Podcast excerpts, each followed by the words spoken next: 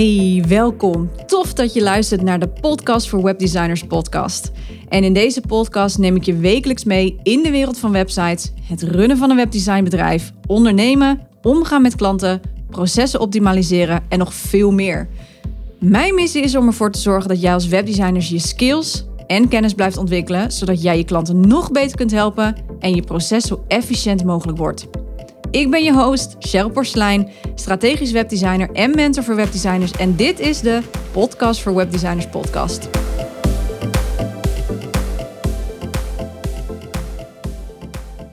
Hey, welkom bij een gloednieuwe aflevering van deze podcast. Vandaag wil ik het met je hebben over het ontwerpen van een effectieve homepage.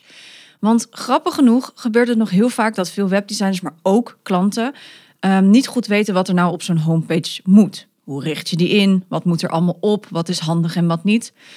Um, die informatie die je op je homepage zet, die, of die jij, jij op een homepage moet zetten, laat ik het zo zeggen, krijg je natuurlijk van je klant.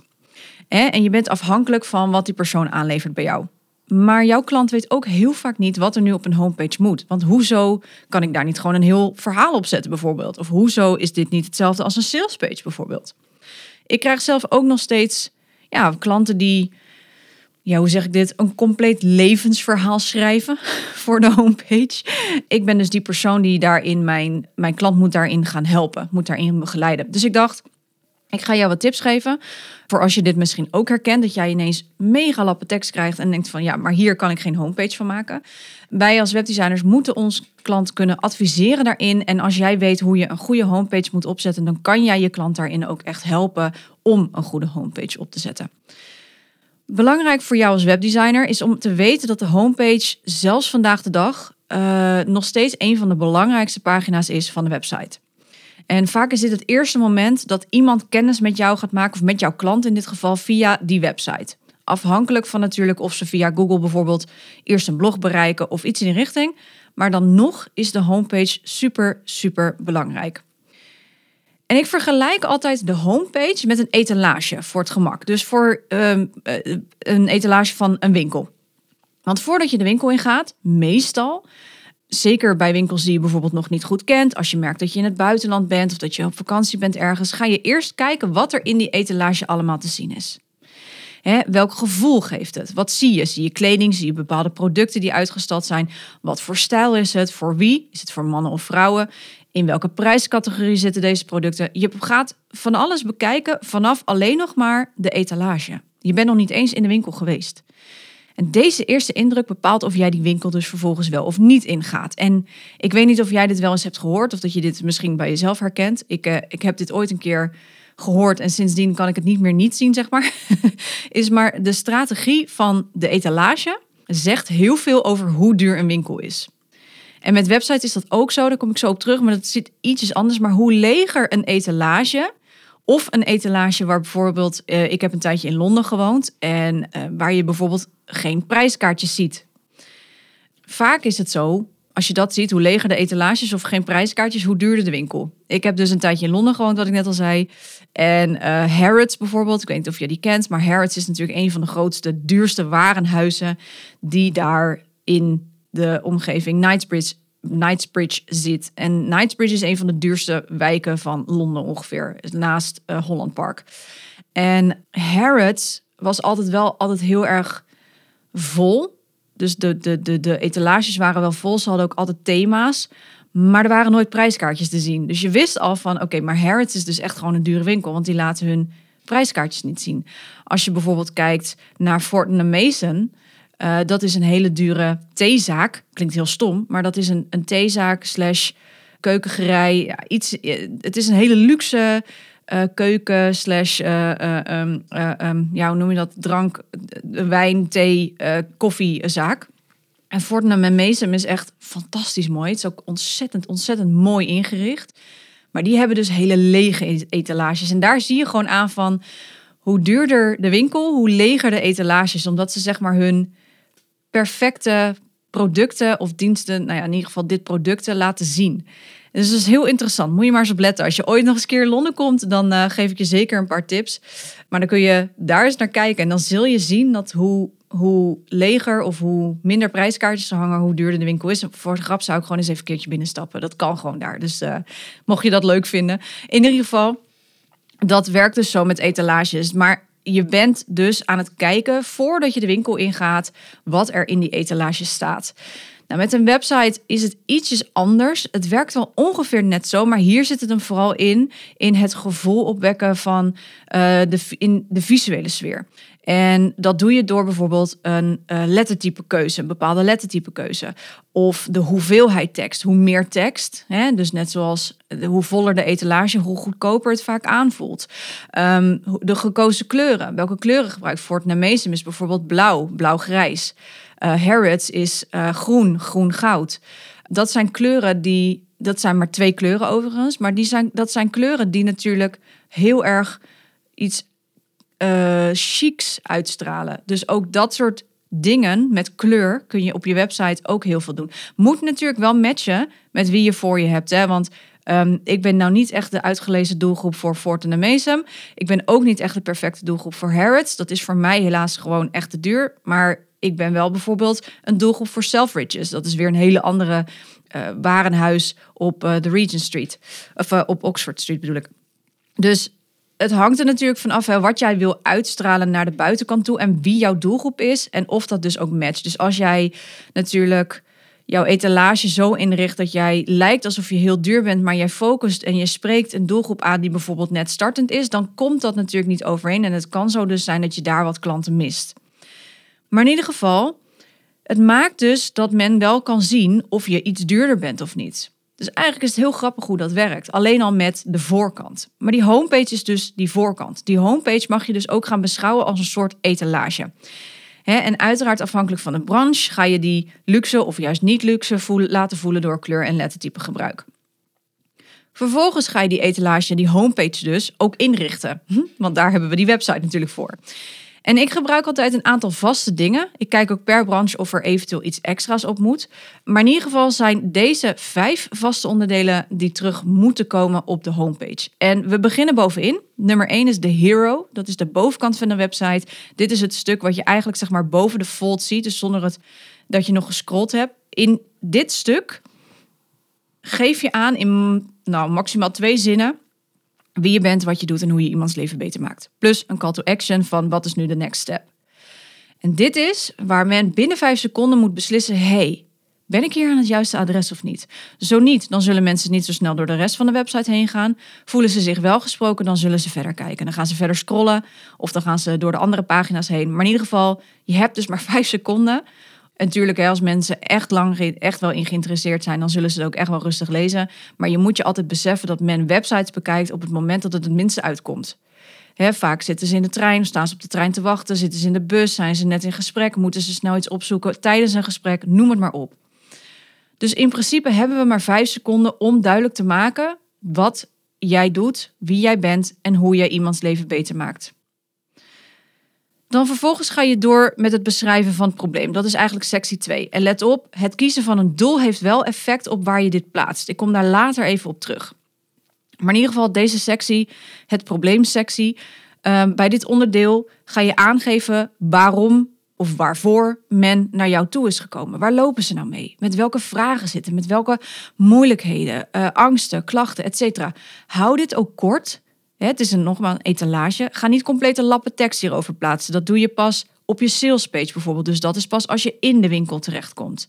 Hou het kort en krachtig. Ik, zeg, ik zeg altijd voor als leidraad of als uh, houvast kun je denken aan korte paragrafen van ongeveer 50 tot 100 woorden. Meer niet. Dus probeer in maximaal 100 woorden het probleem uit te leggen bij je bezoeker.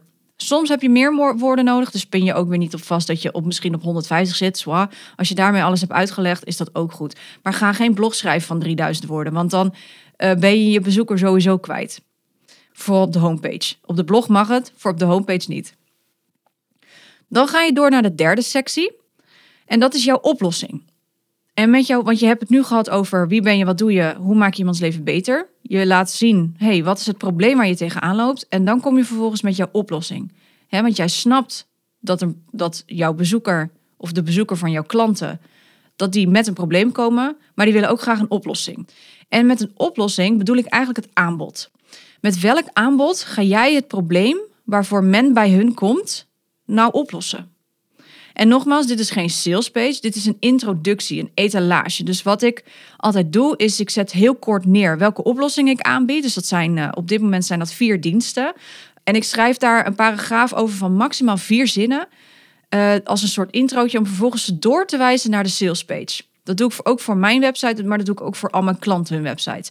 Dus ik geef aan van hey, ik heb deze vier mogelijkheden om uh, jou te helpen.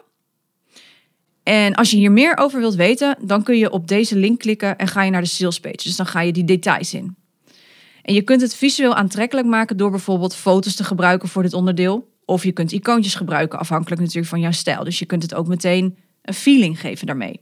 Maar in ieder geval is het niet de bedoeling dus dat je hele gedetailleerde onderdelen gaat schrijven, paragrafen gaat schrijven. Maar ga een intro schrijven van vier, vijf zinnen. Soms heb je er misschien zes nodig, waarin heel duidelijk staat wat, dit, wat deze oplossing inhoudt. En vervolgens stuur je ze naar de sales page.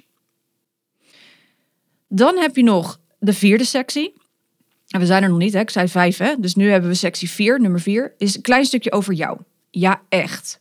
Nogmaals, het is een etalage, maar we willen nog steeds weten wie we tegenover ons hebben. We doen nog steeds zaken met mensen.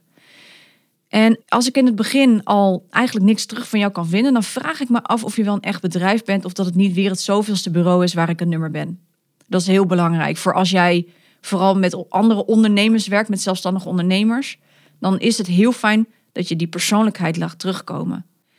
En je kan daar een leuke foto bij zetten, hè, met ook weer een korte intro. Um, zet een kort stukje tekst erbij en verwijs eventueel de mensen die meer over jou willen lezen naar een over mij pagina. Dus zo merk je dat je constant stukjes, korte stukjes hebt, maar dat je daarmee een geheel creëert voor je bezoekers om in één opslag of in, een paar opzichten, oogopslagen moet ik zeggen, dat zij snappen van wie ben je, waarom ben ik bij jou, ik heb een probleem, welke oplossing bied jij en wie ben jij dan precies. En als laatste, de vijfde sectie, is een vervolgstap. Dus je hebt nu iedereen door het verhaal meegenomen je, je hebt aangegeven, hey, ik begrijp waar je problemen uh, zitten. Ik snap je, ik hoor je, ik zie je, ik voel je. Ik heb dit probleem, uh, dit probleem heb ik al gehad, maar ik heb daar deze oplossing voor aan uh, te bieden. Of deze oplossingen. Dit ben ik. Ik kan je hiermee helpen. En zo, dit doe ik al zo lang. En dit is mijn missie. En eigenlijk wat ik nu van je wil vragen is, wat is nu de next step? Wil je bijvoorbeeld dat je een gratis weggever moet downloaden? Of wil je dat men contact met je opneemt voor bijvoorbeeld een intakegesprek?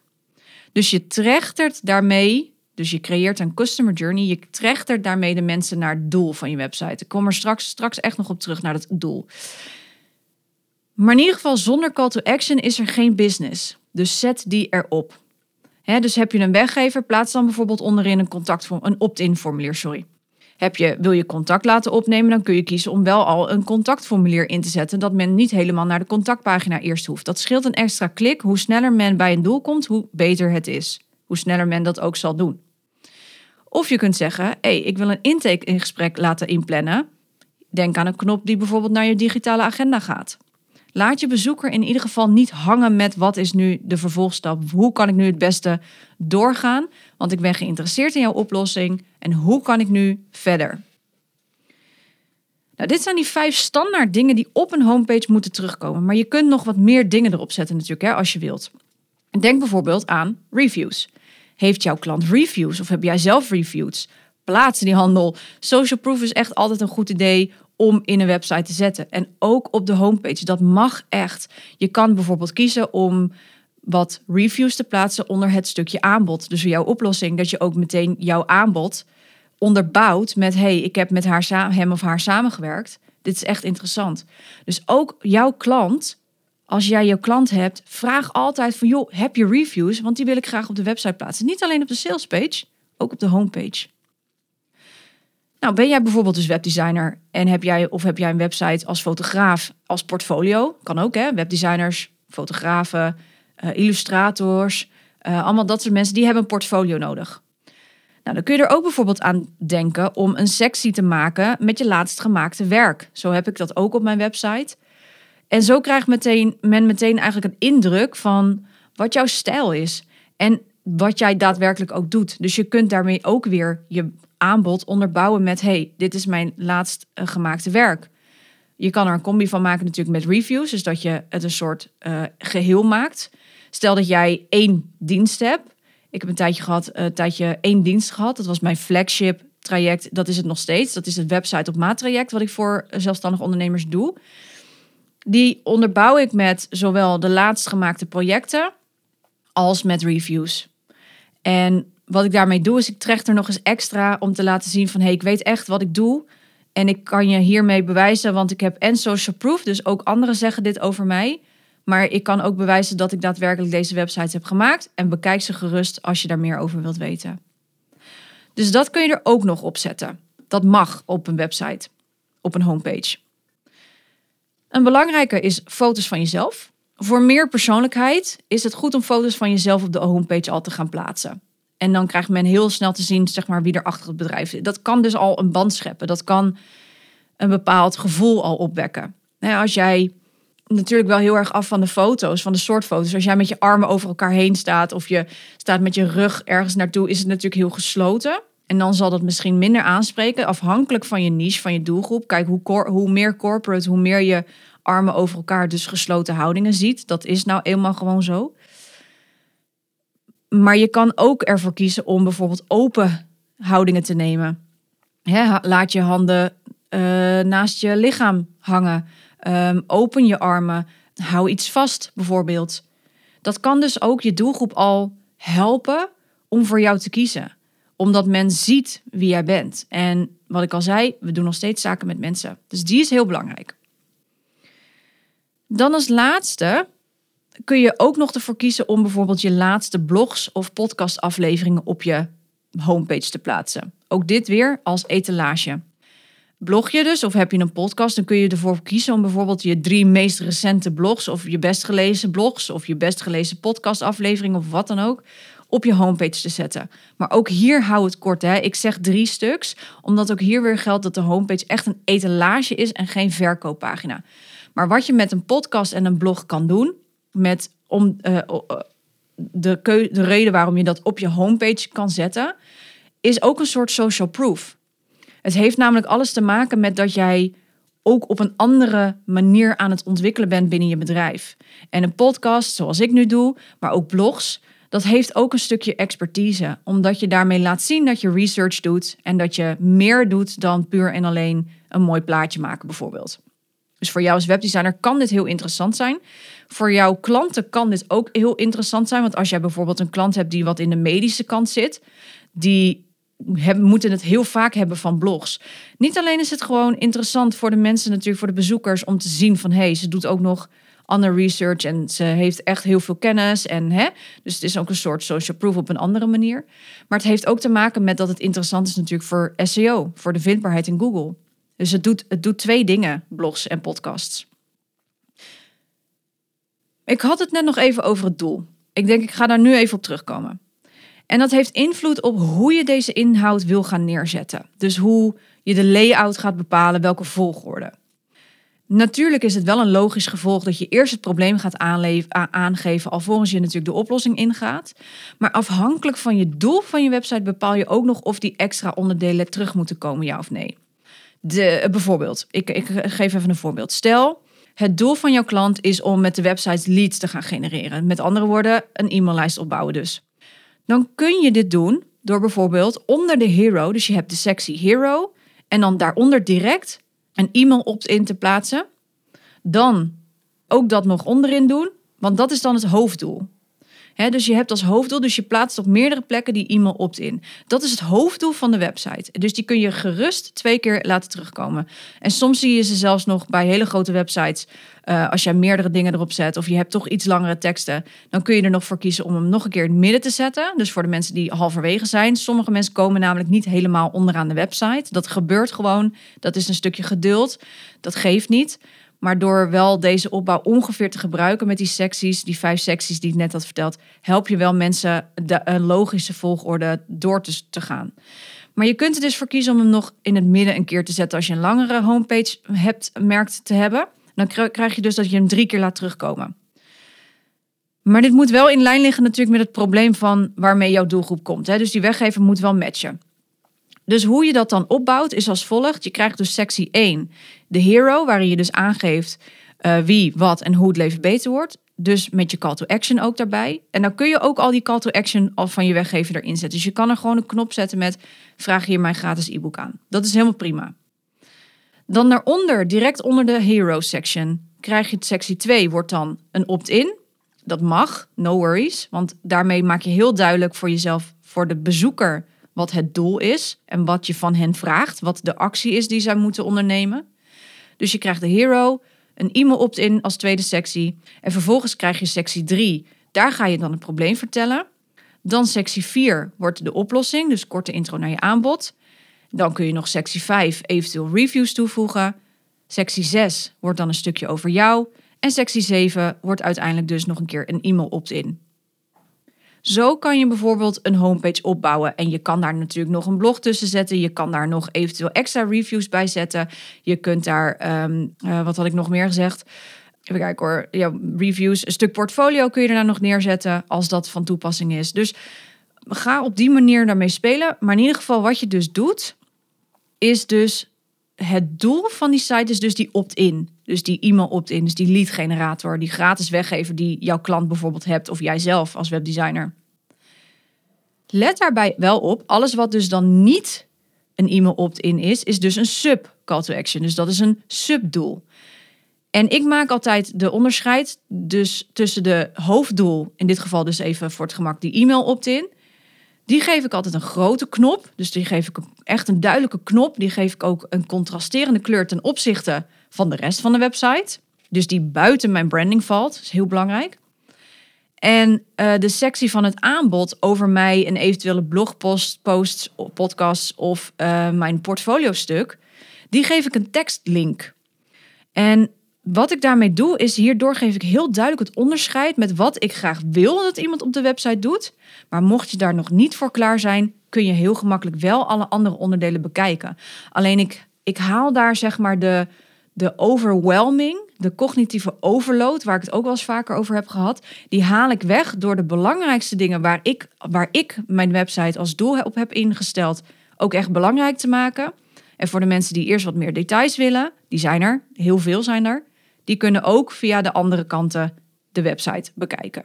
Dus die hoeven niet per se de e-mail opt-in. Soms heeft het wat meer tijd nodig. Maar je laat daarmee wel zien dat je ook eventueel een oplossing hebt met alleen je gratis weggever. Of dat je ook eventueel de oplossing kan bespreken met een intakegesprek. Dus ik hoop dat je een beetje snapt waar ik hiermee uh, mee toe ga. Waarom maak je daar nou onderscheid in? Dat wil ik nog even meegeven. Eigenlijk zo Jij wil je bezoeker gaan begeleiden. Jij mag namelijk bepalen op je website wat je wilt bereiken. Als dat die e-maillijst is, dan moet je dus aangeven dat jij een toffe weggever hebt die mega waardevol is. Want anders, als je het niet laat zien, en wees ook niet bang om hem dus twee keer te herhalen. Maar als je het dus niet laat zien, zullen mensen zich ook niet op de e-maillijst inschrijven, want dan weten ze niet dat het er is dus zeker als ze het niet kunnen vinden, dan zullen ze zich sowieso niet inschrijven. En het is dus zo, waarom zeg ik het is niet erg om hem twee keer op de pagina te zetten? Omdat heel veel mensen bovenin, de nieuwe bezoekers bovenin, hebben misschien nog niet helemaal duidelijk van joh, wat is nou het probleem waar ik bij jou mee terecht kan? Of waar kom ik ook alweer voor? En wat is dan de oplossing die je aanbiedt? Dat betekent dat ze gaan scrollen. Dat betekent ook dat ze nog niet klaar zijn geestelijk om die eerste opt-in in te vullen, omdat ze het nog niet duidelijk hebben dat heeft alles te maken met een stukje vertrouwen. Want ze willen eerst even kijken van... hé, hey, wat jij heb, heb jij allemaal te bieden? Wat heb jij in die etalage? En dat betekent dat mensen dus eerst verder moeten scrollen in de pagina... om duidelijk te hebben van... hé, hey, klopt het inderdaad? Word ik aangesproken? Voel ik me aangesproken? Snap ik ook, zeg maar, is het aanbod passend bij mijn probleem? En het betekent heel vaak dat als mensen eerst een e-mail achterlaten, dat ze nog niet helemaal klaar zijn om te kopen. Want dat is echt lastig. Als je echt wil verkopen met je website, dat is een heel ander verhaal. Dus heel vaak kiezen mensen ervoor om iets te downloaden, iets gratis bij te halen, om nog meer, uh, zeg maar, jou beter te leren kennen, om nog meer vertrouwen op te doen dat jij inderdaad daadwerkelijk hun probleem kan oplossen. Dus dat betekent dat als zij bovenin nog niet helemaal het vertrouwen hebben, moeten ze eerst verder lezen. En dan zijn ze eigenlijk al lang alweer die, die e-mail opt-in vergeten die bovenin stond. Voor je terugkerende bezoeker is dat een ander verhaal. Die zullen niet meer verder scrollen. Die hebben dat eigenlijk al hebben al nagedacht over: hey, kan zij mij inderdaad helpen? Hmm, ik weet nog niet of ik bij haar of hem ga kopen, maar ik wil wel eerst even weten wat ze in die gratis weggever heeft staan, bijvoorbeeld, om ook weer dus meer vertrouwen te krijgen die zullen niet meer die hele pagina af gaan scrollen om die e-mail opt-in aan te vragen. Dus zo dien je eigenlijk allebei de bezoekers. Je nieuwe bezoekers, die nog even wat meer tijd nodig hebben en die dus naar beneden scrollen en dan denken: oké, nu kan ik mijn e-mailadres, want ik weet wat ze doet, maar ik ben er nog niet helemaal klaar voor, maar ik wil wel meer weten. Zowel als dus je terugkerende bezoeker die er net even wat langer over na heeft gedacht, maar misschien ook nog niet helemaal klaar is om te kopen, maar wel denkt van ja, ik hoef niet meer de hele pagina af te scrollen. Ik weet eigenlijk al dat ik dit e-book bijvoorbeeld wil. En hetzelfde geldt hè, voor andere doelen. Intakegesprekken boeken, verkoop. Nou ja, ik zei al net, verkoop is wel een stuk lastiger. Niet onmogelijk, maar wel een stuk lastiger.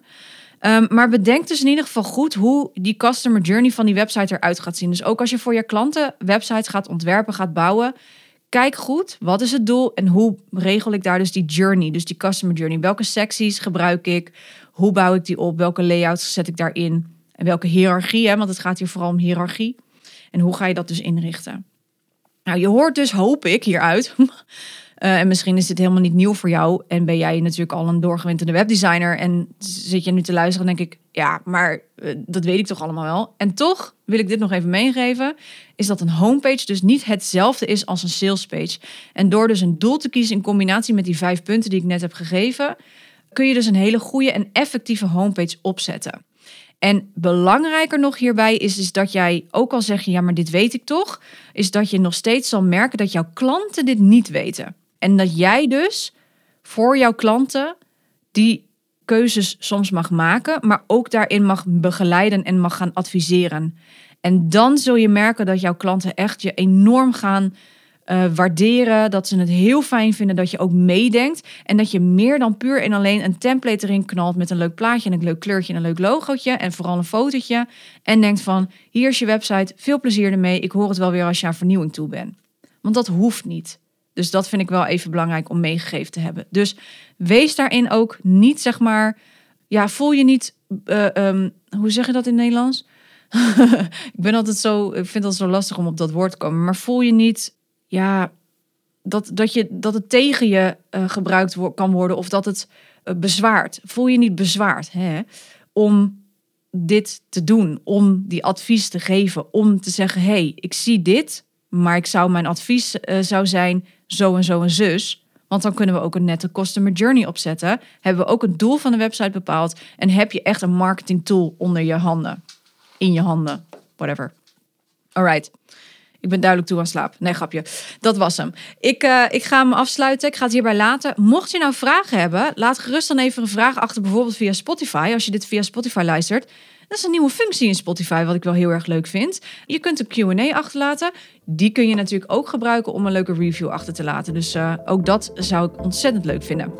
Voor nu wens ik je een hele fijne dag en tot de volgende keer. Hey, groetjes. Doeg! Thanks for listening. Wil jij je skills verder uitbreiden of verdiepen, je processen optimaliseren en simpel en effectief willen leren werken? Dan is het mentorship voor webdesigners perfect voor jou. In dit zes maanden durende één op één traject krijg je een volledig kijkje bij mij in de keuken. Ik ga samen met jou diep op de materie in op de onderdelen waar jij op vastloopt. Denk aan proces, goed feedback leren ontvangen, hoe je bepaalde designkeuzes maakt op basis van die informatie die je ontvangt, maar ook hoe jij je klanten nog beter kunt helpen met bijvoorbeeld het schrijven van goede teksten, hoe jij je adviesrol kunt inzetten en hoe je lange termijn trajecten kunt aangaan. Nou, dit allemaal doe ik op basis van mijn eigen webdesign procesformule die uit vijf fases bestaat. En dat is research, design, build, launch en grow. Wil jij weten of dit traject perfect is voor jou? Let's talk about it. Plan direct een afspraak in via mijn digitale agenda op www.cprecision.nl slash mentorship voor een vrijblijvend intakegesprek.